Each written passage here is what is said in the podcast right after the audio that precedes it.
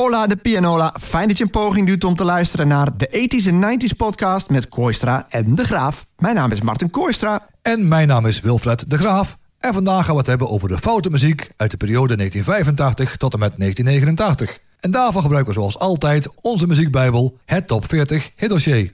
Wilfred en ik hebben elke vijf favoriete foute liedjes gekozen uit de tweede helft van de jaren 80. En daar hebben we een top 10 van gemaakt. De nummer 1 is het liedje met het hoogste aantal punten volgens het top 40 hitdossier. Maar eerst gaan we het hebben over onze eigen ervaringen met foute muziek. Ja, en dan beginnen we eigenlijk met een soort referentiekader. Uh, ten eerste omdat wij bij in onze vorige uitzending over foute muziek van 80 en 84 al tot de conclusie waren gekomen dat er geen eensluitende definitie van foute muziek te bedenken is. Het enige waar we dus kunnen op afgaan is wat vindt het publiek? Nou, dan heb je dus de QFM top 1500. Jij luistert ook wel eens naar dat soort radioprogramma's hè, waar foute muziek gedraaid wordt. Vertel er eens iets over. Ja, precies. Ik luister wel eens uh, online naar uh, Q Music 24 uur per dag fout. En ik, uh, ja, ik luister wel eens uh, naar Radio 538, de verroute alle bestonden. Zitten daar verschillen tussen die twee? Qua muziekkeuze? Op zich scheelt het niet heel erg veel. Alleen, ik heb wel het idee dat er nog bij de verroute alle bestonden op 538... dat er nog meer, nog een beetje wat meer, uh, wat meer beats in zitten. Oké, dus dat betekent dat ook wat meer moderne muziek? Nou ja, ik denk een beetje meer afgestemd met de rest van het format van 538. Ja, oké. Dus fout, maar wel binnen het eigen format passend. Een beetje een beperking. Het meeste, het meeste wel, want als er iets gebeurt met van die echte foute Hollandse muziek...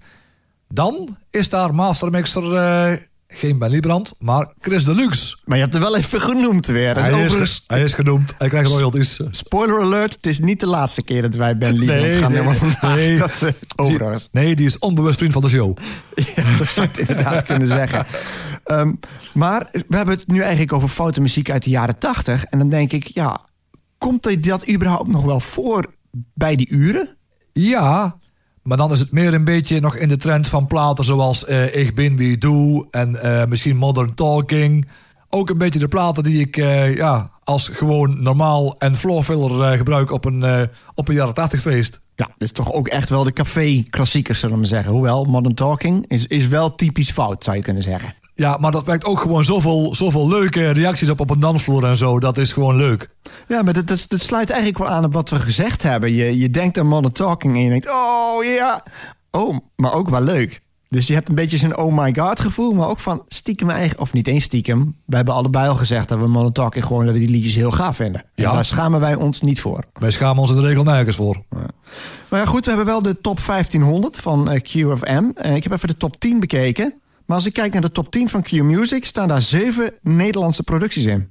Maar ja, ik heb altijd zoiets van op het moment dat ik iets uh, dat, dat ik ergens van vind dat het geforceerd leuk of fout moet zijn, valt het in mijn lijstjes valt het al een beetje af. Maar het is gewoon de keuze van het publiek.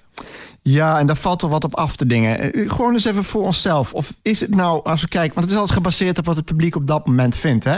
Is het structureel fout? Is het tijdelijk fout? Of is het eigenlijk helemaal niet fout? Ik noem de titels gewoon even. Backstreet Boys, I Want It That Way. Altijd. Eens dus. 9. Ali B, Yesser en Party Squad rampeneren. Misschien een tijdelijke. Dat denk ik ook, want het hele schandaal... Wanneer is dat gaan rollen eigenlijk, het hele Ali B-verhaal? Want die lijst komt van 21 december. Nou, dat is pas. ja, dat is pas gaan rollen volgens mij ergens rond uh, februari, maart van dit jaar. Uh, rampen neer. Maar ja, dat wil ook niks zeggen, want het zou heel goed kunnen zijn, ook in, een, in het huidige aanbod van muziek en waar de jeugd naar luistert, dat misschien wel zo'n soort muziek wel een soort van uh, ja, comeback maakt. En ik heb daar een beetje een gevoel mee met het, het draaien bij een kindercarnaval, bij de lichtstadnaren. En dan wist ik, als die beat erin kwam, zag je de zaal. Dit ik expres van tevoren. Liet ik de muziek helemaal uitsterven. En dan zag je heel die zaal met 500 kinderen. Nul beweging. En dan kwam hem typ, typ, typ, typ, bam. En dan zag je meteen alles omhoog vliegen en ja, feest. Dus dan is hij toch wel structureel in ieder geval een plaats die, die jij kunt draaien. Bij jonger publiek, zullen we zeggen dan. Ja, ik durf die ook wel te draaien op een familiefeest. Uh, bij uh, bijvoorbeeld iemand die, uh, iemand die 50 wordt. Oké, okay, nou, we gaan door. Want we hebben ook onze eigen liedjes waar we daar ook mee moeten. Ja. Chips, Thousand and One Arabian Nights structureel, tijdelijk of helemaal niet fout? Ik, zeg, ik zeg structureel. Chips is per definitie op, fout. Op zich, op zich structureel, maar ik heb ook wel een idee van... ja, de muziek was misschien in eerste instantie voor, uh, voor kinderen bedoeld... maar is toch terechtgekomen op de volwassen zenders. Chips is een beetje zo'n zo'n beetje K3-achtig iets en zo. eh. Een, Maar- beetje, ja, een beetje een samengesteld product. Ja, ik, ik, ik ken trouwens Thousand and One Arabian Nights. Zou ik zo niet voor me kunnen halen. Ik zit meer met Gangster Town in mijn hoofd. Maar dat is misschien mijn ding. Op zeven snollebolletjes, vrouwkes.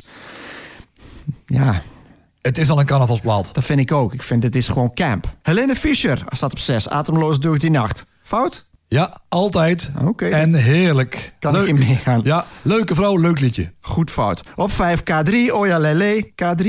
Ja, ook altijd. Fout. Ja, dan op vier volgens mij echt de enige waarvan ik denk...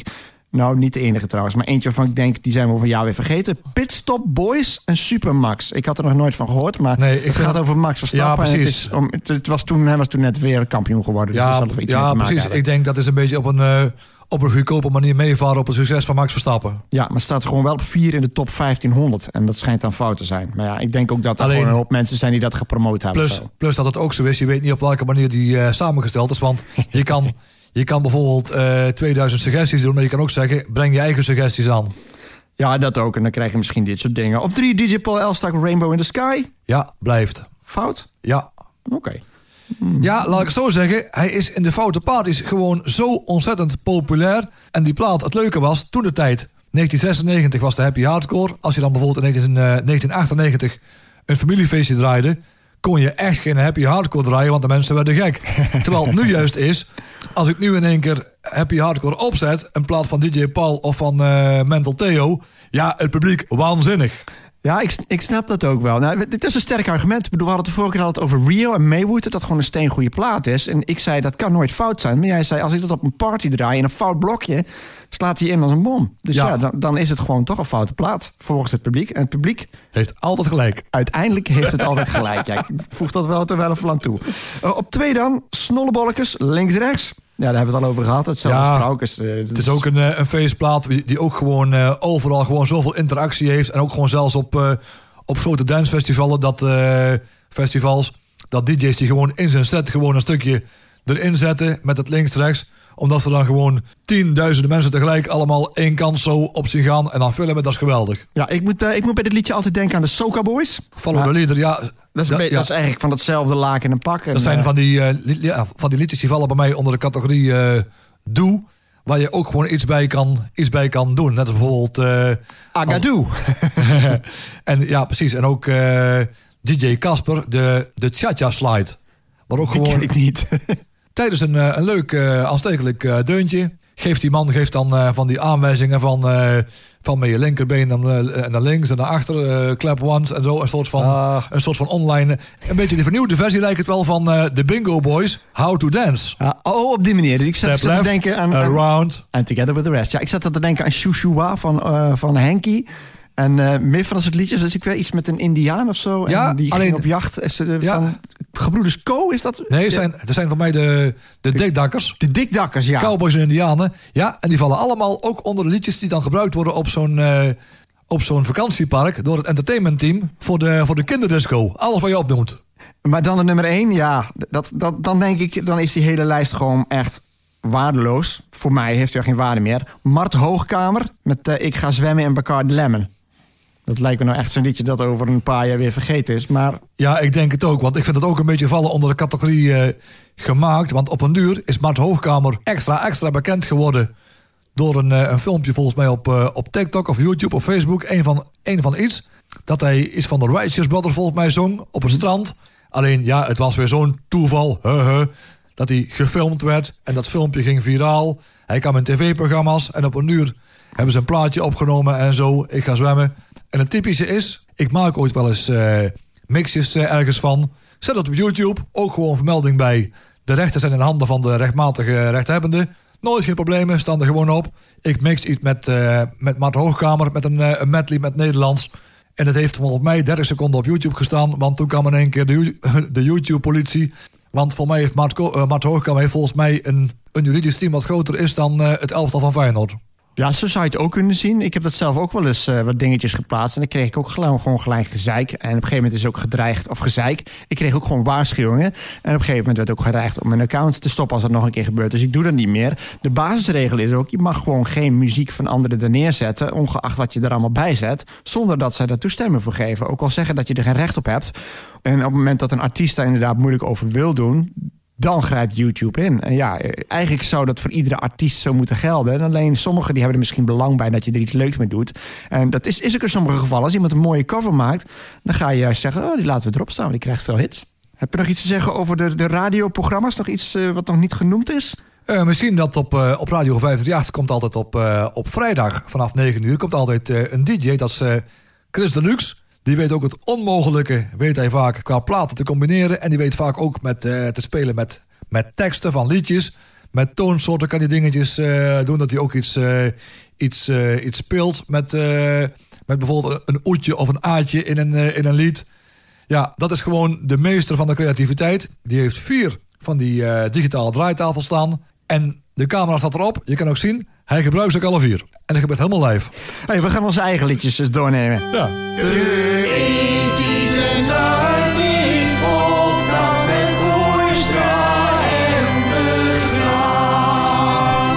Want dan is het nu tijd voor onze foute top 10 uit de periode 1985 tot en met 1989. En het betreft alleen liedjes die in de tweede helft van de jaren 80 de top 40 bereikten. We beginnen dus met het liedje dat de minst grote hit was. En die vinden we dus op... Nummer 10.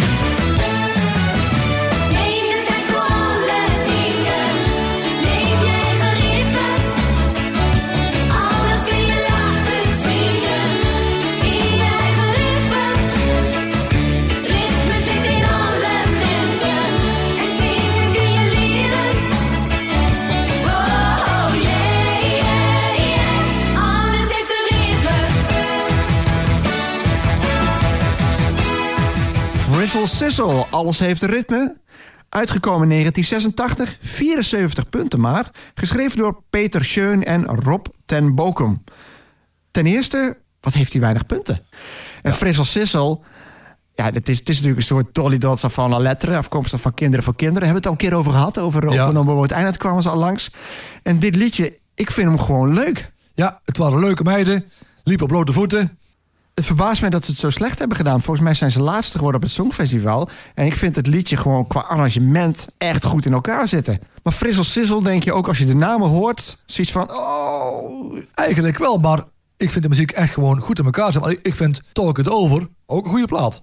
Laat ik het wat breder trekken. Is Songfestivalmuziek fout? Hoe reageren mensen daar dan op? Heb je dan, in, heb je dat gevoel van dat vinden mensen fout? Ik denk juist vanwege het foute gevoel dat ze dan juist denken van... oké, ik sta op een dansvloer. Ik zou misschien eigenlijk vanaf gaan. Maar dit is gewoon zo leuk en niet voor de hand liggend. Ik blijf erop staan. Ja, en dan denk ik dat je precies een reden noemt... waarom Frissel Sissel misschien toch niet zo'n grote hit geweest is. En dat is het tempo. Het is een beetje te traag om echt lekker op te dansen, vind ja, ik. Ja, maar nu komt er een beetje een, uh, een gewetensvraag. Je hebt een keer bij mij gehoord in een, uh, in een uh, projectje... dat ik die plaat aan, aan, het, aan het remixen was met een hoger tempo. Ja, Vond je dat tempo al beter passen bij een dansvloer? Oh, wacht, dan stel je een andere vraag. Ik weet nog dat je mij dat hebt laten horen... dat ik zei, het is te veel opgepitcht. Want je hoort gewoon dat daardoor... als je iets echt twee keer zo snel doet... want dat was het denk ik bijna... het werd zo enorm opgepitcht dat ik dacht van... nou, dan hoor je amper nog dat het origineel is. Okay. Dat, dat was het. Dus het, het tempo klopte wel... maar juist omdat het origineel zo langzaam is... vond ik het wat te geforceerd klinken. Dat, Ah, dat, ja. dat, dat was eigenlijk de indruk die ik had. Ja. Goed, Frissel Sissel dus. Wie dacht dat dat fout was, die heeft de volgende nog niet gehoord. Nummer 9. I've been looking for.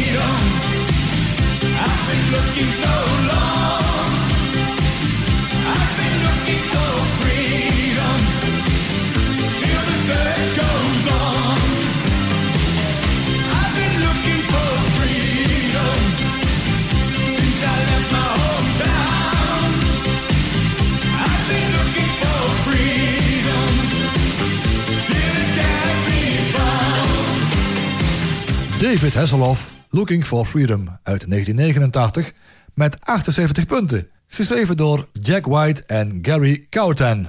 Dit is nou een geval van het juiste liedje op het juiste moment. 1989. Ja, en bij de dit liedje van de denken. Ja, de val de van val de van muur, de ja. muur, ja. Hebben we het al eens eerder over gehad? Ja, kan, kan het veel fouter worden dan David Hasselhoff? Ik denk dat we daar niet eens over hoeven te discussiëren dat dat fout is. Nee, volgens mij niet, want op alle fronten. Acteurs die gaan zingen, heb ik toch wel eens het idee van dat er ooit wel eens acteurs zijn die dan het acteren eh, ja, een beetje als springplank willen gebruiken naar een, eh, naar een zangcarrière. Komt bij, hij kan eigenlijk helemaal niet goed zingen. Nee. En ik heb ook niet geweten dat het een, eh, een cover was. Tot ik wat meer informatie opgezocht had. Want eigenlijk was het een, ja, een, nummer, een nummer geschreven door de Duitse muziekproducent Jack White. En oorspronkelijk uitgebracht in 1978 met de Duitse zanger Mark Sieberg. Dat zal dan ook wel een Duitsstalige versie geweest zijn, of niet? Ja, het werd uitgebracht onder de naam Auf der Strasse nach Süden. Ah, nou valt misschien wel een hele hoop op zijn plaats. Want ik denk, ja, waarom zou het publiek in Duitsland nou ineens zo gek zijn van David Hasselhoff? Maar dat is wellicht omdat dat liedje destijds een hit was. En ja, Looking for Freedom past natuurlijk heel erg bij de val van de Duitse muur. Maar dat is dan waarschijnlijk omdat ze het origineel goed kenden, of niet? Ja, misschien wel ja. Want het werd de grootste internationale hit van Hasselhoff... en bereikte nummer 1 in Duitsland gedurende acht weken... in Zwitserland gedurende vier weken... en in Oostenrijk gedurende één week... En het bereikte ook nummer 4 op de Europese Hot 100 singles, de top 20 in Frankrijk en België en de top 40 van Nederland. Ja, het is leuk dat je zegt... Platina. Ja, ja het, het is leuk dat je zegt de grootste hit, maar ik moest meteen lachen. De enige hit waarschijnlijk. De enige hit inderdaad, ja. De enige hit. In Nederland niet eens zo'n grote hit, maar het is wel een, een klassieker. En eh, ja, David Hasselhoff natuurlijk sowieso al fout als acteur. Die is nou heel veel zichzelf aan het parodiëren. Parodies op, eh, op Baywatch. Ik had je trouwens nog een videootje gestuurd. Had je die bekeken of niet? Nog een videolink gestuurd van David Hasselhoff met André Rieu. Oh nee, die heb ik niet gezien. Maar daar komt dus David Hasselhoff met het orkest van André Rieu zingt dan Looking for Freedom. En het leuke is, daar, bevestig je, daar krijg je de bevestiging dat het fout is. Je moet hem echt kijken.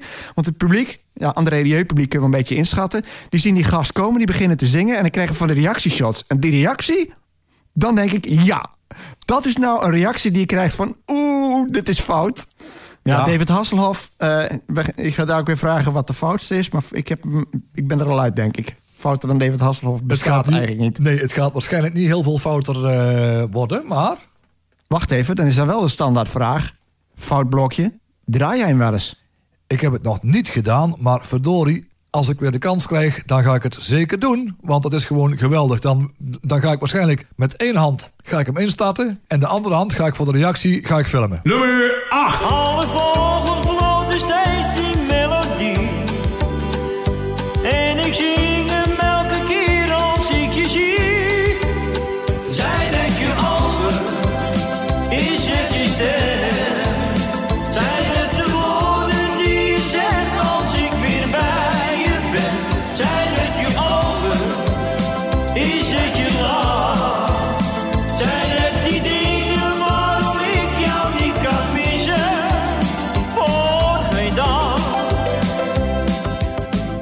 Koos Alberts, Zijn het je ogen uit 1988. Behaalde toen 141 punten. En is geschreven door P.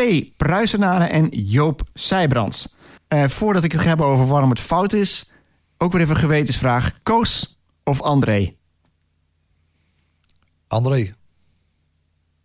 Ik ga toch voor Koos. Ik vind dat Koos... Is puur omdat ik vind dat Koos...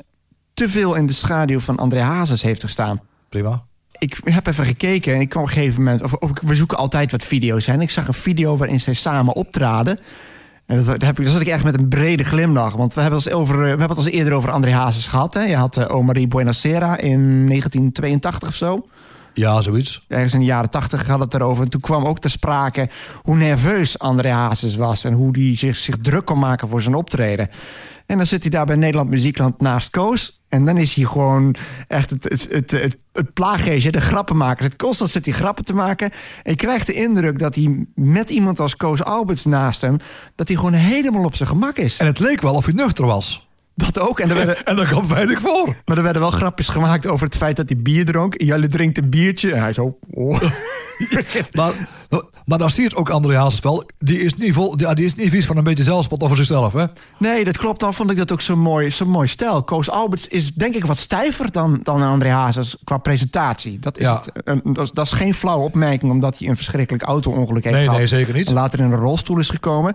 Ik vind juist een van de redenen waarom ik zoveel respect voor Koos Alberts heb... en ik hem toch kies boven André Hazes... is juist het feit dat hij zich daardoor niet uit, uit het veld heeft laten slaan. En in latere jaren is hij iemand geweest die met... Je zag altijd als hij live optrad... dat hij ons zoveel plezier had om er weer te staan. En dat, die, dat plezier was oprecht. En ook Ja. bij eh, programma's eh, waar, waar veel mensen waren... die zelf ook een handicap hadden... dan zag je gewoon die, die genoten van Koos... en die genoot daar zelf ook van. En dat vind ik zo mooi aan Koos Alberts. Die, die, die heeft, dat, die, heeft de- die positieve kant... waar wij Hazes Ja. denken we toch aan de drank en zo... Ja. en Koos Alberts denken, word ik vrolijk van. En zijn het je ogen om tot dit liedje te komen? Ja, brede glimlach. Heerlijk liedje. Ja, vind ik ook. En ook gewoon lekker met zo'n kermisschalm. Komt dat intro komt erin in met die kermisschalm op die instrumenten. Ik luister er graag naar. Is Koos Alberts fout? Nee, want dan vind ik ook dat je een hele schare fans gaat beledigen. Maar zou ik zeggen van, ga je die ergens verwerken in een, eh, in een show die je draait... dan zou ik hem wel bijvoorbeeld plaatsen in een blokje met fout. Ja, we hebben natuurlijk over wat we persoonlijk vinden... maar ook over wat de algemene perceptie is. Ja. Als jij, ik denk dat als jij een keer zijn je ogen zou opzetten op een feest... dat veel mensen iets hebben van... oh my god. En misschien toch ook wel leuk. Ja, bij Ja. Corrie Konings zat je ook een beetje op het vinkentouwen. Van, Ja, Is het nou fout of niet? Ja, precies. Die moet je, eh, ja, een Corrie Konings en een Koos Alberts... die moet je pas gaan draaien als je al, het, eh, als je al, een, beetje, ja, al een beetje de sympathie van je publiek gewonnen hebt. Ja, ik vind ook in beide gevallen denk ik dat, dat veel mensen ze zien als fout. Maar dat wij ook allebei over hun wel een mening hebben van eigenlijk doe je ze daarmee tekort. Want zowel Corrie Konings als Koos Albert zijn hele integere zijn mensen die gewoon echt voor, met liefde voor hun vak zingen op een top professionals. Ja, en de, ja, en de platenverkoop en, eh, en de merchandise eh, ligt er niet om. En van Koos Albert vind ik het ook mooi, de nummers die hij gezongen heeft... die gebaseerd waren op nummers van eh, Julio Iglesias. Oh, Gisteren heeft zij mij verlaten. oh ja, dat, dat, zeg, dat is een melodie van Julio inderdaad.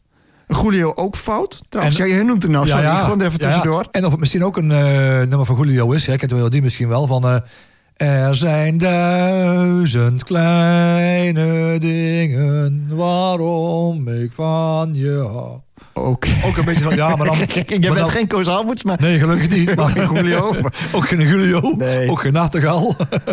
Ja, ik leg die link nou. We hebben Julio heb ik precies hetzelfde. Julio Iglesias is denk ik ook voor veel mensen eerste instinct fout. Want ik luister naar zijn muziek. Amor, eh, Kennedy, de Mi Sufrir, altijd die Spaanse titels. En Milonga Sentimental.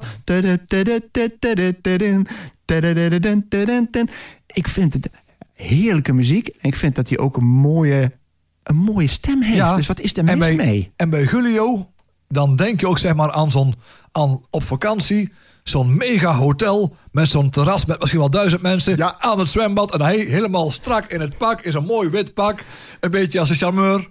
Ja, Dat ik, is ik, zie het, ik zie het helemaal voor je. Dus inderdaad, die zo mooie man, zo strak in pak en echt die bruine tijnt en een beetje zo verleidelijk kijken. Die is wel wat fouter nog dan Koos Albers en Corrie Konings, toch? Maar goed, Ja. tot zover Koos. Nummer 7.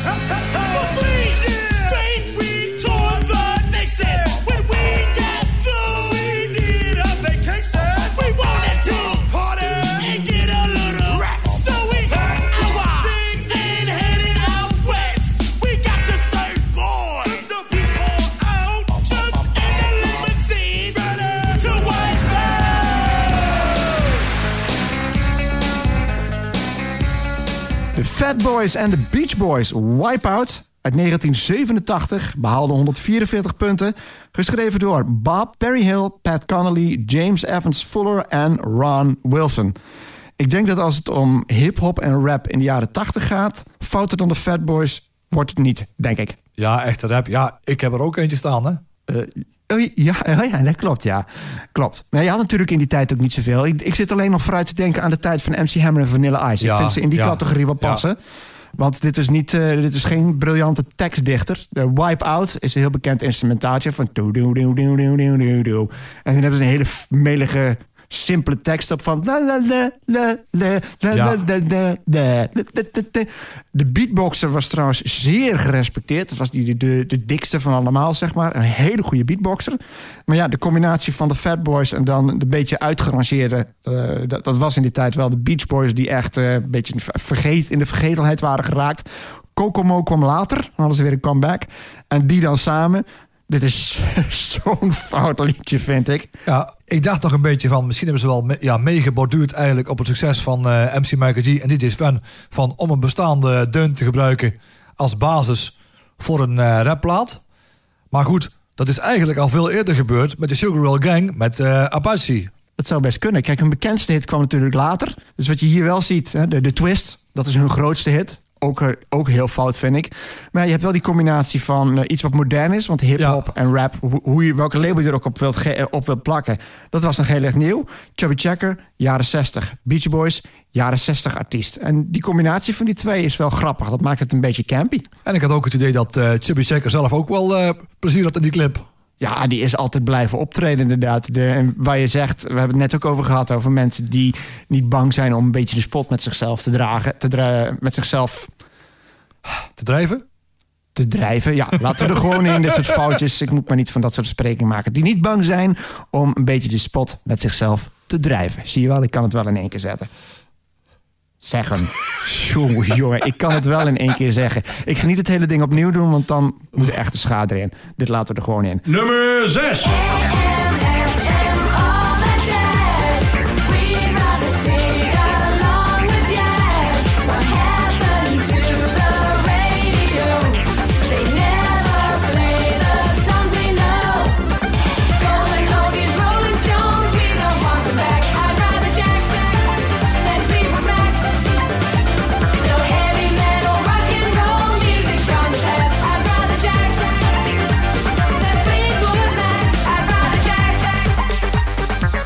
Girls, I'd Rather Jack uit 1989. 158 punten en geschreven door Stock Aitken en Waterman. Woehoe! En laten we beginnen met Stock Aitken en Waterman. Als we gewoon denken aan het oeuvre van Stock Aitken en Waterman... zou je ze dan bestempelen als fout?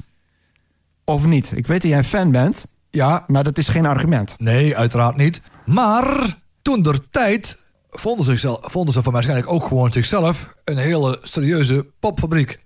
Maar zoveel jaar later, als je aan mensen vraagt van Stock Aitken Waterman, vinden ze het, het wel fout. Maar ja, als ik zelf ga luisteren, denk ik nou, ik vind eigenlijk dat Stock Aitken Waterman zelf gewoon een soort van uitvinders zijn van een bepaald, van een bepaald genre. Kun je nog een beetje omschrijven wat nou de, de formule is van Stock Aitken en Waterman... zoals jij dat kent? Die schenken heel erg veel aandacht aan, eh, aan de beats van een, eh, van een plaat. En ook gewoon een, eh, een duidelijke bas, waar ook een beetje een lekker... Dun, dun, dun, een beetje een lekkere, een lekkere stuiter in, in zit. Oké, Stock Aitken en Waterman is niet per definitie fout. Reynolds Girls zeg ik onherroepelijk fout. En dan vraag ik natuurlijk, ben jij het daarmee eens? Ik, of zal ik het eerst beargumenteren? Ik ben benieuwd. Reynolds Girls. Dit waren twee meiden zonder enige muzikale ambities eigenlijk in werkelijkheid. Wat gebeurd is, is dat hun vader die wilde een cadeautje geven aan de dochters. En die dacht, oh, die vindt het vast wel leuk om een plaat op te nemen. Dus wat deed hij? Die zocht contact met Stock Aitken en Waterman. Ik heb twee dochters die graag een liedje willen opnemen. Eh, zullen we dat doen? Nou, goed plan. Die schreven dus een liedje gewoon tegen betaling. En deze twee zusjes die namen het op. I'd Rather Jack. En de Reynolds Girls was dus een one-hit wonder als verjaardagscadeau. Vind ik behoorlijk fout. Het verhaal alleen vind Oh ja. ik voldoende om te zeggen fout. Ja, die, meid- die meiden die kunnen ook gewoon niet, niet zo geweldig zingen. En die video hebben ze ook zo'n heel vaag dansje. Als ik eerlijk ben, ik vind die tekst gewoon leuk en ook wel toch wel stiekem een boodschap hebben. Want die, die willen gewoon, ja, van iedereen wil overal hè, met zijn, met, met zijn, eh, alleen maar die gitaarmuziek. Nee, dat willen we niet. We willen gewoon, hup, we willen, willen gewoon lekkere, lekkere beats en lekkere van die sequencer geluidjes. En bam, bam, een beetje dance. Ja, misschien dat het ook wel meespeelde, want zij noemen ook een aantal bands bij naam. Hè? Fleetwood Mac en Golden Oldies, Rolling Stones, We Don't Want The Back, I'd Rather Jack. Jack. En Who Needs Beach Boys, Dire Straits. nou, ik dacht, nou, ik dacht dat ze zeiden... Oh, Beach. Of daar, ik ik dacht dat ze zeiden Pink... Who needs Pink Floyd? Maar ik weet niet of, ze, of het nou die tekst was of die andere. Maar ja, goed. Oh, dat boeiend. zou ook kunnen. Ja. Ik, ik, dacht, ik dacht namelijk dat ze eerst zei B-Boys. En toen dacht ik dus, nee, dat kan niet. Het moet wel Beach Boys zijn. Maar het zou ook Pink Floyd kunnen zijn. Ja. Ja, want volgens mij als ze dan zingen van, van We Want To Sing Along With Jazz... dat ze tijdens dat gedeelte hoor je, hoor je ook waarschijnlijk zo'n... Gewoon zo'n zo'n lijntje ertussendoor. Goed dat je dat nog noemt, want dat is nog fouter. Een liedje dat gewoon een tekst heeft. We'd rather sing along with yes. Het is niet jazz, maar het is yes. en dan is er een hele generatie luisteraars die denkt... What the hell is Yes? Want Yes kennen wij toch als die pro- progressive rock band. Die hoort toch ook in het rijtje van, van Dire Straits en Pink Floyd? Nee, het is niet die Yes. We hebben het over Yes, bekend van... The only way is up. Die heeft, één, heeft nog een hitje gehad, Stand Up For Your Love Rights. En ze heeft nog eh Doctor Ja. in the House eind jaren 80 gehad. En toen was hij ook weer weg. Dus dat Ja, was... ja, precies. Want ik kan me nog herinneren, bij, als ik bij de platenzaak kwam, lagen in die rekken al, in die bakken, lagen al, eh, al, vijf, verschillende, al vijf verschillende remix 12 inches van The Only Way Is Up. Misschien wel de meest geremixte plaat gewoon in officiële labels. Ja, en dat was wel een trend in die tijd. Want er komen nog liedjes waar we denk ik gaan hebben... ook over de verschillende versies daarvan. Maar goed, Reynolds Girls, net als Yes... even gekomen en daarna ook gewoon weer vergeten. En misschien heb ik nu wel vervelende herinneringen opgehaald... maar Reynolds Girls, wat mij betreft, onherroepelijk fout. Stock Aitken en Waterman, niet. Maar ze hebben wel eens iets fouts gemaakt.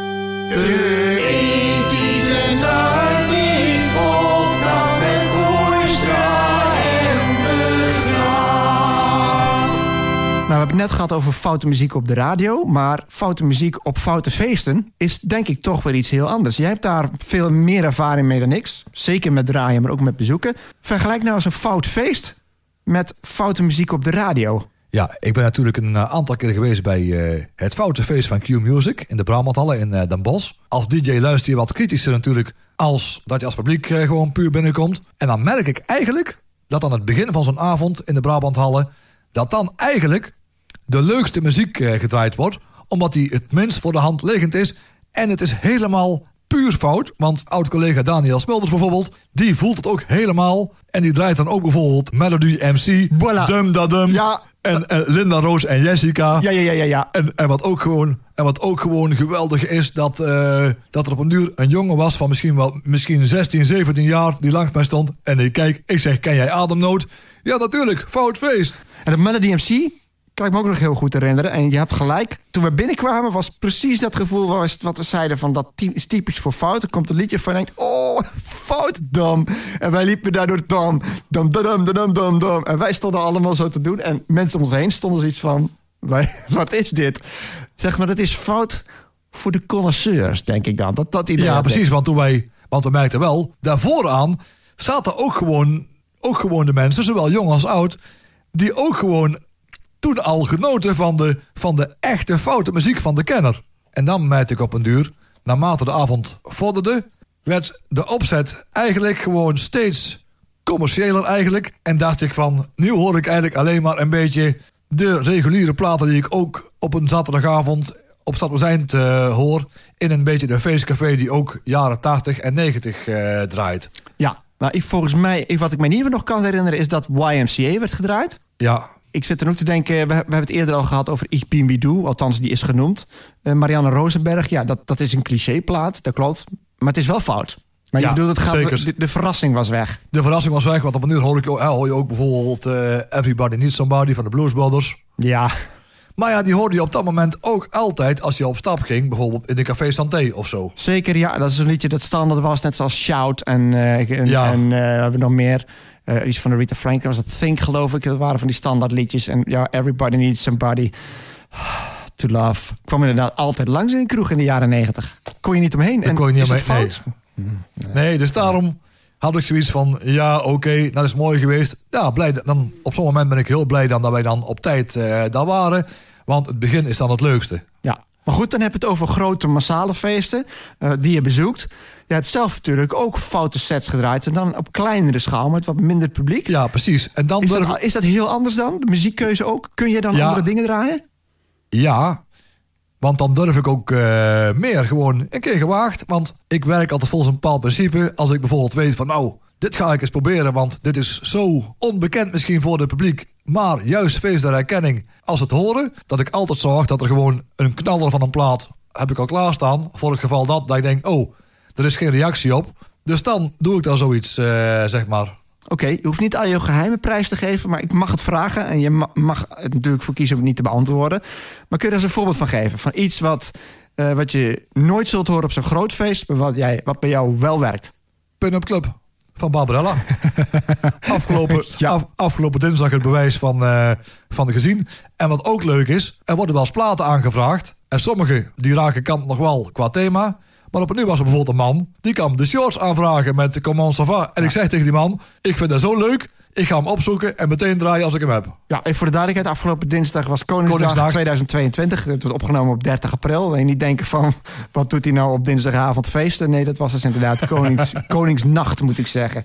Ja, de shorts, ja, die hebben we ook al genoemd. Maar de shorts, denk jij, zal je nooit horen op zo'n QFM, zo'n massaal... Of, of een 80s en 90s, nou dat is misschien wat anders... maar zul je niet horen op zo'n grote foute party. hooguit misschien in het voorprogramma. Gewoon eh, een beetje als de, mensen, als de mensen inlopen misschien.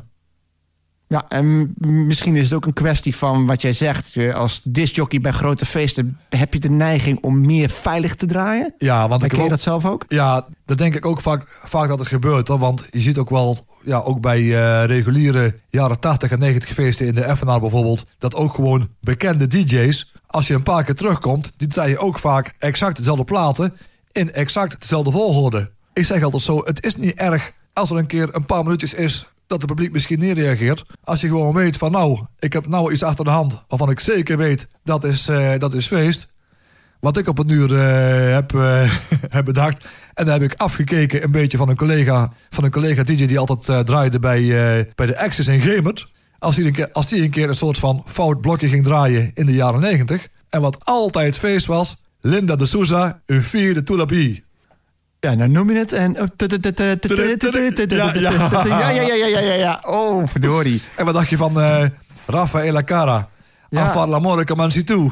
Ja, en zit ik te denken. Nou, die zijn ouder, hè? Ik denk, want die hebben niet in ons lijntje staan. Eh, Linda de Souza. Oh, dat is 82. Oh. Nou ja, heel klein hitje hoor. Heeft maar vijf weken genoteerd gestaan en 26 Ja, dat klopt. Maar, gehaald. dat klopt, maar dat En, gaat puur eh, hoe heet het? Rebecca? Nee, Rafaela Cara. Rafaella. Ook even Maar het mooie is bij Linda de Souza, zo'n top 40 is gebaseerd natuurlijk op verkoopcijfers en op radionoteringen. Maar het gaat er niet over uit of mensen in de kroeg het leuk vonden. Want mijn moeder zegt toch dat ze nog in die eh, tijd ook nog heeft, een bepaalde stijldans nog gedaan heeft op die muziek. Ja, en het grappige is, ook al is het een onbekend liedje, of althans een onbekend liedje, is het een liedje dat helemaal geen grote hit is geweest. Wij kennen hem. Op het moment dat je ermee begint.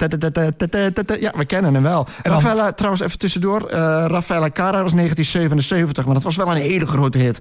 355 punten. Nummer 3 gehaald, 14 weken ja, genoteerd. Is voor mij ook nog gecoverd volgens mij door Barbara. Nou, dat is misschien eentje voor als we een keer een cover special gaan houden. De beste covers uit de jaren 80. Ideetje? Dat wordt dan Koostra en de Graaf, Undercover.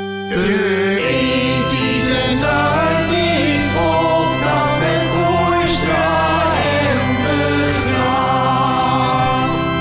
we gaan weer terug naar onze top 10. We waren gebleven bij... Nummer 5. We're all whistle, and this is true. We love to do the things that we're not supposed to do. We don't mean robbing, stealing, or mugging. In fact, don't take it seriously. We're only bugging.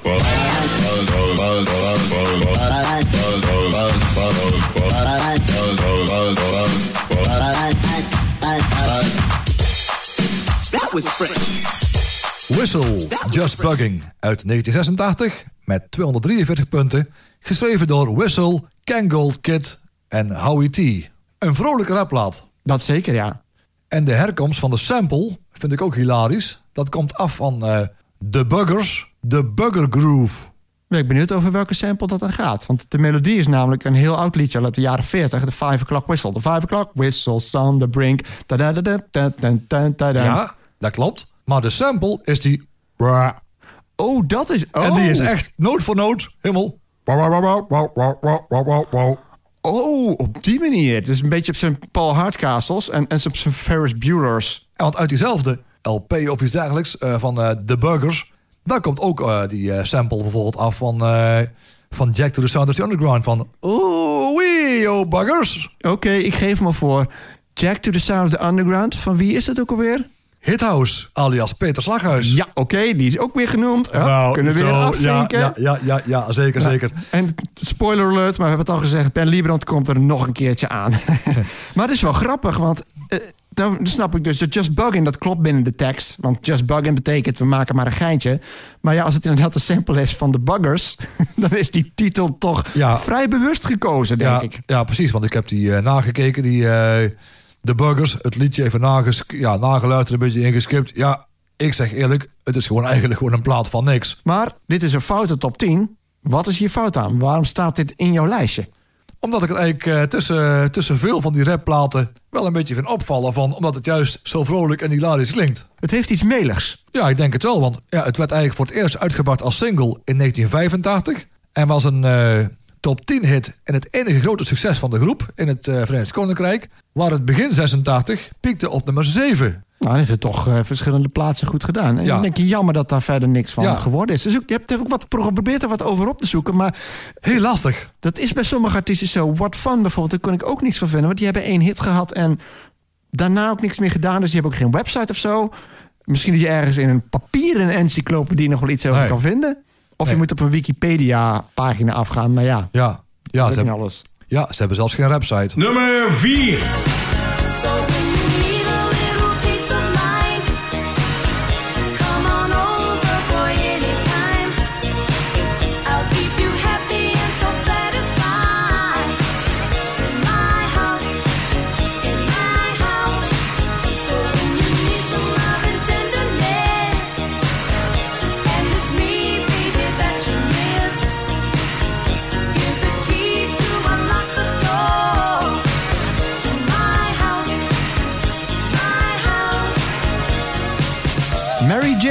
In My House uit 1985 behaalde 264 punten, net op de vierde plaats. Geschreven door, en dat zegt veel, Rick James. En Mary Jane Girls die past in een traditie. De namen zijn een paar keer gevallen. We hebben het over Apollonia 6 gehad en over Vanity 6. En Barbarella natuurlijk, net nog aan bod gekomen. In dat reisje past ook Mary Jane Girls. Sterke persoonlijkheden, zo lijkt het me allemaal een beetje sexy kleding. Als Ja. ze zeggen in my house, dan heb je ook niet de indruk dat ze thuis worden uitgenodigd, maar meer in een, eh, een huis waar diensten worden verleend, oftewel een soort bordeelgevoel heb je erbij. Kortom, het liedje gaat over seks, maar het heeft een fantastische groove en ik vind het een hele gave plaat. Ja, hij klinkt fantastisch. Ik heb die ook eh, op, eh, op single. Hij staat volgens mij zelfs nog in de Grand 12 Inches op een uh, verzamel-cd. En die klinkt ook gewoon goed. En ondanks dat er geen spectaculaire dingen eigenlijk aan veranderd worden in die 12 inch, het klinkt gewoon zo lekker. Het maakt niet uit dat er veel herhaling is. Klopt, en dat is wel de kracht van Rick James. Rick James, die denk ik bij het grote publiek misschien... en dat vond hij zelf, heeft hij daar wel eens problemen mee gehad... maar heeft er wel veel geld mee verdiend. You Can't Touch This is gebaseerd op eh, Super Freak van Ja. Rick James. Can't touch this. Ja, en dat heeft ook zo'n heerlijke groove, ook met de gitaar erin. Hier ook. Het is echt een funkpop. Zit Ja. mooi samen. Het heeft gewoon Ja. zo'n heerlijke groove waarbij je lekker zo heen en weer gaat. Maar ik vind ook, ja, maar ik vind ook van Rick James bijvoorbeeld eh, het intro al van, eh, van Glow ook zulke, zulke energie geven. Ja, Rick James is een beetje door, vanwege zijn uiterlijk. Denk ik dat heel veel mensen iets hebben van een beetje een vreemde figuur. Maar hij was echt een voorloper van, van bijvoorbeeld Prince.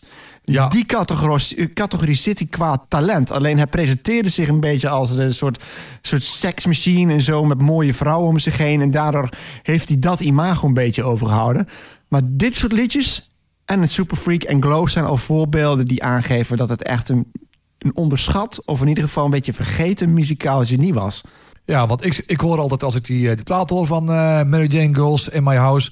Dan hoor ik altijd, er is toch wel een beetje van de groove. Zo, ook die, die strijkers op een duur, een beetje gebaseerd op uh, Billie Jean. Ja. Die... Ja. Dat klopt, ja. Uh, Wilfred, mashup? We gaan het opeens proberen een keer. Dat lijkt me een goed plan. Ja. Nummer drie.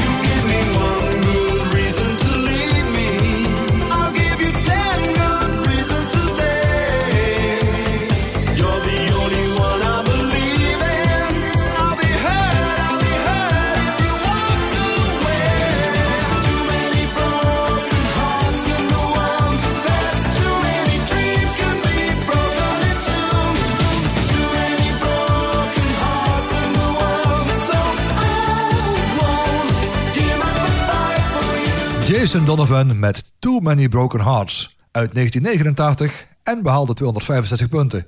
Geschreven door Stock, Aitken en Waterman. En die staan gewoon twee keer genoteerd in het lijstje. Dus we hebben allebei Stock Aitken en Waterman ah, toch gekozen in het foute lijstje.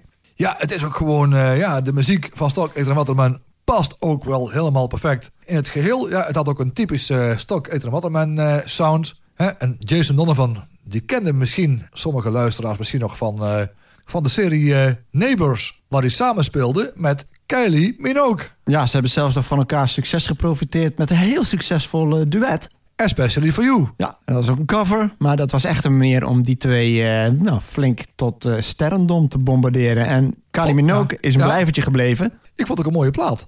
Ik vond het best aardig, ja. Maar goed, Ja. je zegt het al, Stock Aitken en Waterman, die weten er altijd al wat van te maken. Ja, Dan denk ik, en die conclusie, als we het hebben over Stock Aitken en Waterman, zijn we het over eens dat Stock Aitken en Waterman zeker niet per definitie fout is. Maar dat misschien de twee foutartiesten die zij onder hun hoede hebben gehad, toch zijn de Reynolds Girls en Jason Donovan? ik denk het wel.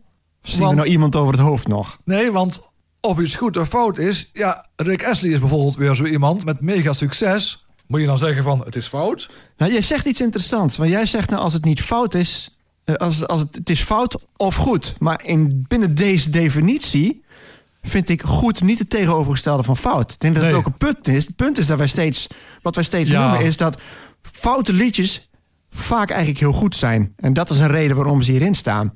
Dus ik denk dat het tegen, wat is het een interessante vraag. Wat is het tegenovergestelde van fout? Eh. Best lastig. Maar goed, dat terzijde. Jason Donovan. Ja, Jason Donovan, ja, die maakte natuurlijk eh, muziek in, eh, in dezelfde periode eigenlijk als, eh als Kelly Minogue.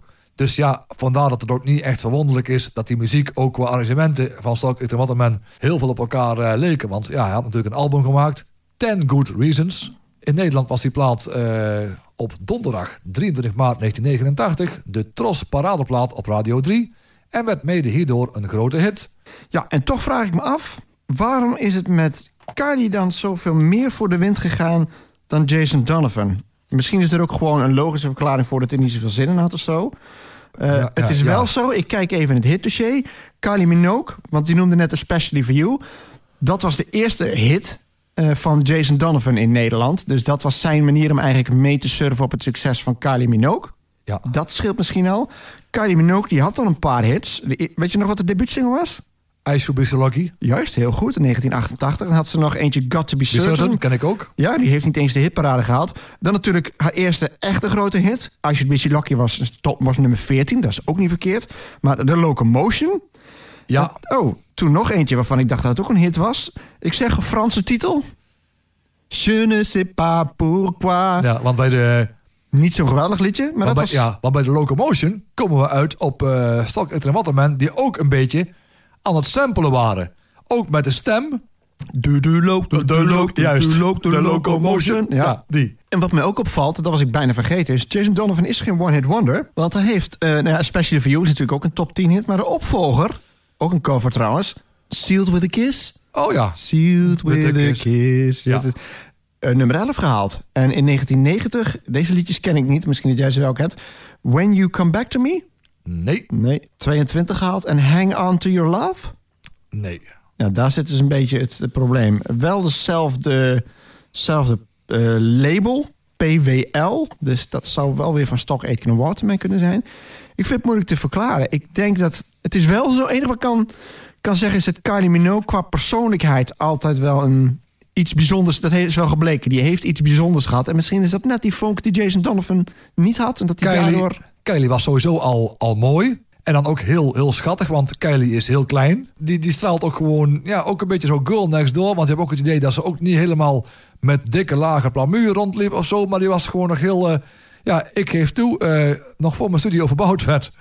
Heb ik hier een, eh, een kalender gehad van Kylie Minogue. Ja, nou, nou zeggen het, Kylie Ja. Minogue is eigenlijk bij alle grote groepen geliefd. En dat is best lastig, want je zegt het is een mooie vrouw. En dan denk je, eh, we hebben bijvoorbeeld over Sabrina en Tatjana gehad. Ook mooie vrouwen, maar dan denk je in eerste instantie toch aan seks. En dat is mannen zijn daar fan van. Maar Kylie Minogue sprak ook vrouwen aan. En is later ook enorm omarmd door de gay community. Ja, dat klopt. Ja, Ik weet eigenlijk niet direct waarom.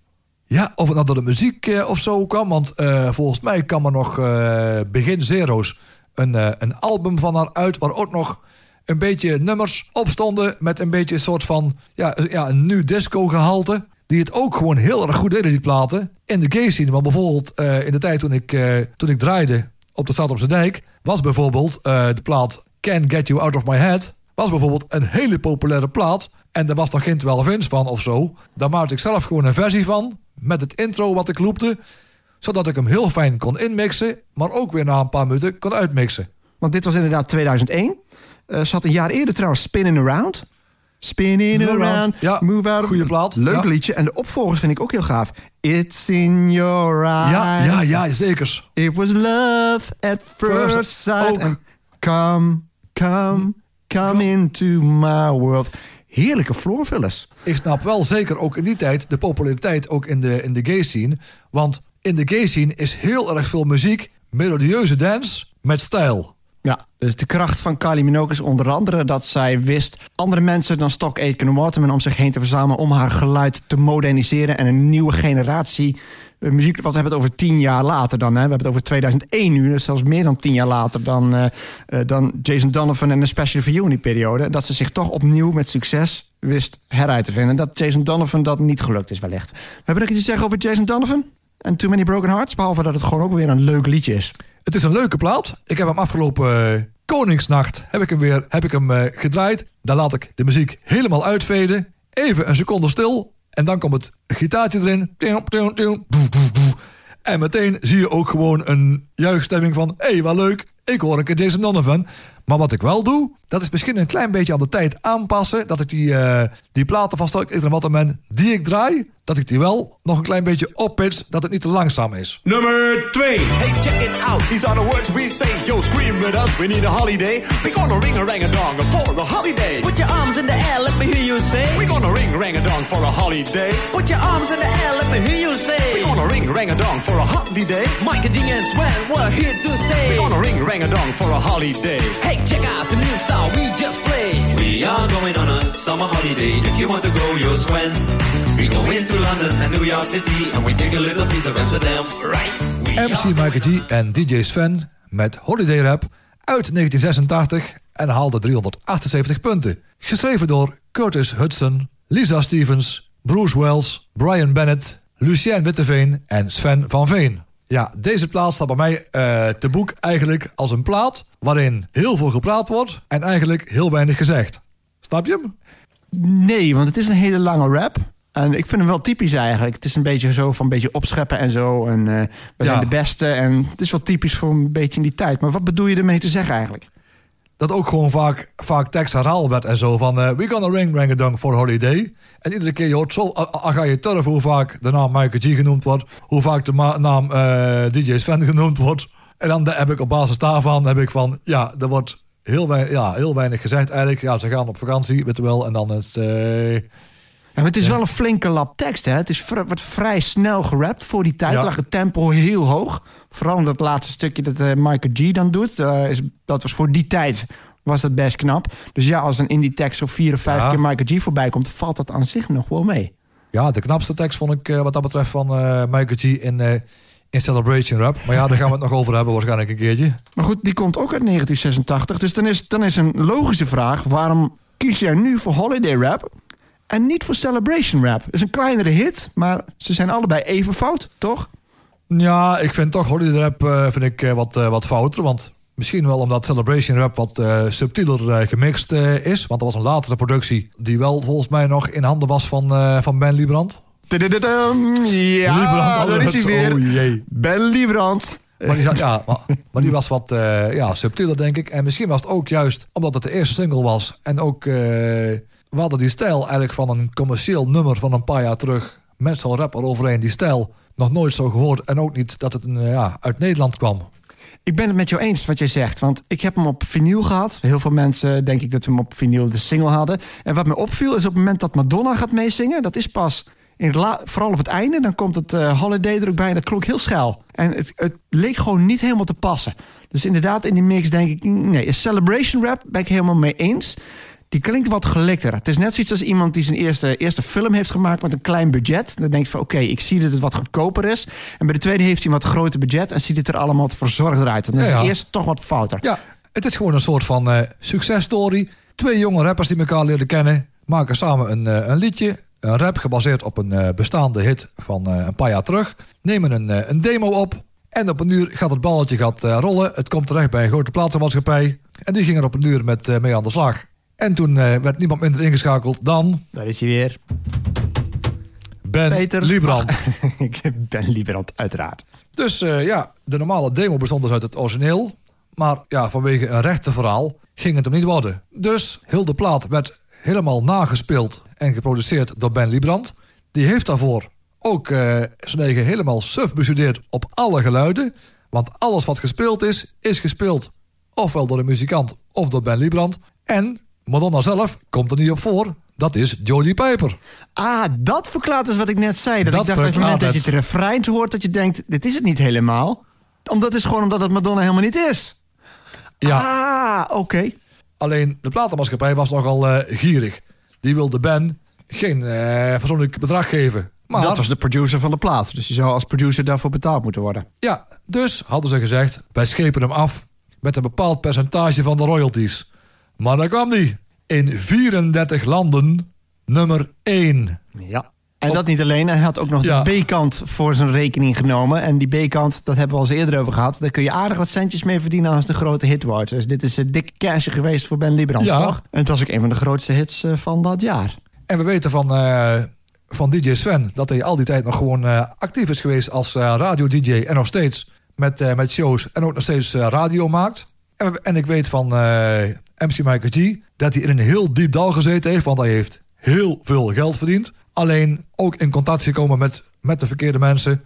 En op een uur ook gewoon bankroet, zelfs dakloos is geworden. En ook met drank en drugs. Ja, maar dat is, dat is wat vaak gebeurt. En met, als je niet de juiste begeleiding hebt... en je bent zo snel opeens een wereldster... Ja, dan komt er zoveel op je af en leer daar maar eens mee Ja. omgaan. Ja, als Ja. je niet het goede vangnet hebt, dan kunnen dat soort dingen gebeuren. En het mooiste verhaal ooit was van uh, Michael G zelf. Die vertelde op een uur van... eh, ja, ik kreeg op een uur eh, telefoon van de, van de Belastingdienst. Of het klopte dat mijn eerste salaris 60.000 gulden was. En ik zeg ja, ik sta momenteel nummer 1 in 15 landen. Nummer 1.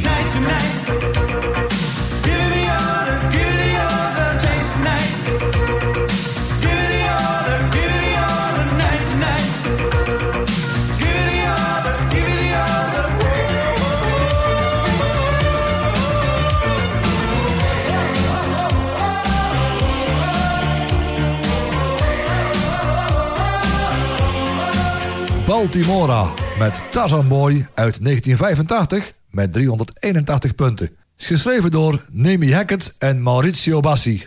Ja, hier zit ik met een punt dat denk ik vaker voorkomt.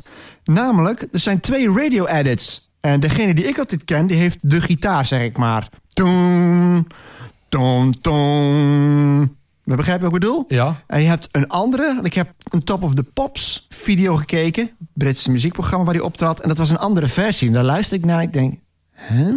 Vergelijkbaar ook bijvoorbeeld met Safety Dance van Man Without Hats. Daar zijn ook twee versies van. En de ene vind ik leuk en de andere vind ik niks. En dat heb ik met deze ook. Ik vind die met die gitaar, dat is de versie die ik ken. En die is echt gaaf. Degene die ik eh, ken en gebruik, die begint met zo'n... eh, Ja, dan hebben we het over de goede en dezelfde versie. Dank u wel. Ja, en die wist ik ook toen de tijd ook eh, aardig te mixen met, eh, met de break van, eh, van Nasty Boy van Janet Jackson. Is het hetzelfde tempo? Mijn spelertjes trekken alles zink. dat is waar, ja. Ten eerste, hè, jammer dat je deze gekozen hebt, omdat ik hem op mijn shortlist had staan voor One Hit Wonders. Maar je vindt hem ook fout is. Wat is er fout aan Baltimora? Er is ook weer zoiets van, je maakt een lijst en ook gebaseerd op mijn ervaringen in het uitgaansleven en ook met feesten en dergelijke. Dan denk je ook van, ja, dit is ook gewoon, dat, dat zie ik met ogen dicht, zie ik het zo voorbij komen, ook op, op, het foute, op een foute feest, ook weer het feest der herkenning. En ja, de kracht van de plaat zit hem ook gewoon in lekker van die, in die stevige Italo-synths die er ook in zit. En ook een gitaartje zit, er, eh, zit erbij. Het, Hij- hij- en het heeft meerdere hooks. Bedoel, iedereen, Ja. dat is het mooie. Wat iedereen kan zingen is... Oh, oh, oh. En heb Night to Night. En ik heb ook live optredens van hem gezien in verschillende shows. En daar springt hij ook echt zo heel erg parmantig. Springt hij zo heen en weer met gekke bekken trekken. En soms zijn shirt uittrekken. Want ja, ontbloot bovenlijf past natuurlijk ook bij Tarzan. Dus het heeft wel een beetje die dikke knipoog. Dat vind ik wel typisch. Dus ik vind hem ook wel degelijk passen in zo'n, in zo'n foute lijst. Wat ik niet wist, tot vandaag, of tot, tot gisteren, ik ben het gisteren gaan uitzoeken, is dat dit dus niet een Italiaanse zanger is. Terwijl je daar wel voor kon doorgaan. Dit was een eh Noord-Ierse zanger, Jimmy McShane. En toch is het Italo Disco. Maar ja, Tatjana is ook geen Italiaanse. En toch was het ook een beetje Italo-disco. Ja, dat klopt. Maar hier had ik altijd wel de indruk vanwege de naam Baltimora. Tatjana klinkt niet Italiaans, hè, maar Baltimora Nee. wel. En toch is het dus een Noord-Iers. Dat vind ik dan Ja. wel grappig. En vandaag de dag, ik kan me ook heel goed voorstellen bijvoorbeeld... dat toen de tijd het liedje misschien wel gebruikt kan worden zo... voor een of andere hilarische voorstelling bij zo'n buurthuis... Zo van, een, van een of andere vriendenclub of sportclub... die dan zo met als achtergrond het thema van Tarzan Boy... zoiets geks gaan doen in een gymzaal of zo. Want dan lopen te slingeren en zo. Ja, sowieso. Voor kinderfeestjes en zo. Dat Iedereen gewoon als Tarzan verkleed is. Oeh, Ja, op de borst kloppen en zo. Ja, we zeggen er heel erg van en zo. Ja, ja, goed. Daar komt dat we er allemaal beelden bij hebben. Maar Ja, ja, eh, ja. En zo Chivo voor de liefhebbers van Belgisch voetbal. En zo Chivo. En, en Enzo was nog een, eh, een band met eh, meisjesmix. Oké, staat hij hierin dan? Wil ik het weten. Ik Nou. heb er nog nooit van gehoord. Dat kan, maar ik heb die wel namelijk uit het, eh, uit het, persoonlijke, eh, uit het persoonlijke archief van, van DJ Ben E. Oké, dat verklaart wellicht waarom hij dan toch niet in deze top 40... in onze in muziekbijbel de top 40 hit dossier staat. Precies. Maar goed, genoeg Enzo dus. Daar zijn we het over eens. Maar ik, vind wel, ik vind wel dat met zo'n, met zo'n leuke lijst weer... dat, eh, dat Baltimore Tarzan Boy is toch wel een leuke nummer 1 hoor. ja, en toch de vraag. Jij associeert hem toch in eerste instantie met Foutenfeest? Of zeg je in het 80-feest past hij ook eigenlijk wel? Of een 80s en 90s themafeest past hij ook? Ik zou hem bijvoorbeeld een beetje, als de omstandigheden leuk zijn... in het begin van een avondje zo eh, draaien. Maar ik heb hem daarentegen, in al die keren dat, dat ik op een eh, jaren 80 feest geweest ben... heb ik hem nog nooit gehoord. En ook nog nooit bij de, en ook nog nooit bij, bij de Foute Uur. En ook nooit bij de Vroege Halve Stoende. Hmm, ja, toch wel opvallend. Want ik ben het er wel mee eens. Het is een gigantische hit geweest. Zou het misschien kunnen zijn dat dit liedje toch niet bekend genoeg is bij een jongere generatie? Of het zou misschien kunnen zijn vanwege het thema van Tarzan Boy. Dit is niet echt voor een volwassene feesten of volwassene radio. Ja, oké, maar ja. Boys van Sabrina dan wel? Ja, ja. Of ik wil zwemmen in Bacardi Lemon? Ja, het is een beetje een... Ja, we zitten een beetje te gist. Het zou kunnen. Dat Tarzan Boy dus iets hebben van, ja, te, te fout misschien. ik weet het niet. Ik heb ook geen idee. eh, maar laat ik het zo zeggen, als ik hem in de auto eh, bijvoorbeeld op een, eh, op een playlist die ik op heb staan, als ik er voorbij hoor komen, dan eh, laat ik hem zeker staan. En dan gaat waarschijnlijk nog een tandje harder. En dat ik denk, oh wat leuk. Dus daarmee inderdaad ben ik het met jouw conclusie eens. Een waardige nummer 1 in deze foute top 10. Ja,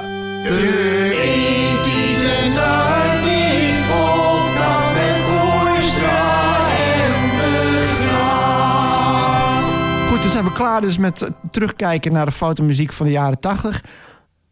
Conclusies. dat het toch toch zo is dat platen die eh, goed geproduceerd zijn en ook hits zijn, toch wel als fout omschreven worden. Maar ook dat we voor mijn gevoel geen stap dichter zijn gekomen bij een definitie van iets wat fout is. Ze zijn niet verder gekomen dan, oké, Nee. knipoog. En eh, fout kan slecht zijn, maar het kan ook goed zijn.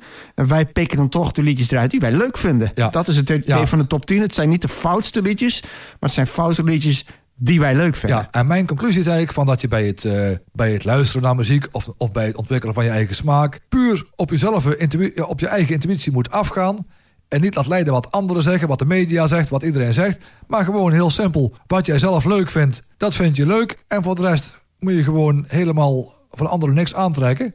En dan kan het zijn dat jouw persoonlijke smaak ook gewoon ligt tussen Koos Alberts en Kylie Minogue. En misschien wel Adam Ant. Ja, dus dan hebben we de jaren 80 er gehad, maar de jaren 90 is dus nog meer het terrein.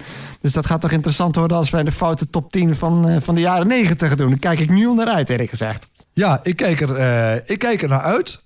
Alleen ik vind het wel altijd heel moeilijk om, het, om iets, helemaal, iets helemaal te beargumenteren. Van waarom vind jij het nou helemaal, helemaal fout? Want ja wij, wij, wij, ja, wij benoemen een plaat omdat we hem ook leuk vinden. Ja, maar dat, dat is ook zo. Het zijn goede gesprekken en soms weten we elkaar ook wel te overtuigen. Dat is ons over het algemeen wel gelukt. En ik denk ook dat gewoon voor de luisteraars... eh, ja, maar geef je eigen mening. Het is leuk om daar een beetje debat over te hebben. Dus heb je andere ideeën, eh, laat het weten. Het gaat juist om die discussie van wat is fout. En, eh, en het belangrijkste is, als de liedjes maar leuk zijn. Want daar doen we het om. En daarmee zijn we aan het einde gekomen van deze podcast. Fijn dat je wilde luisteren. Houdoe! En bedankt.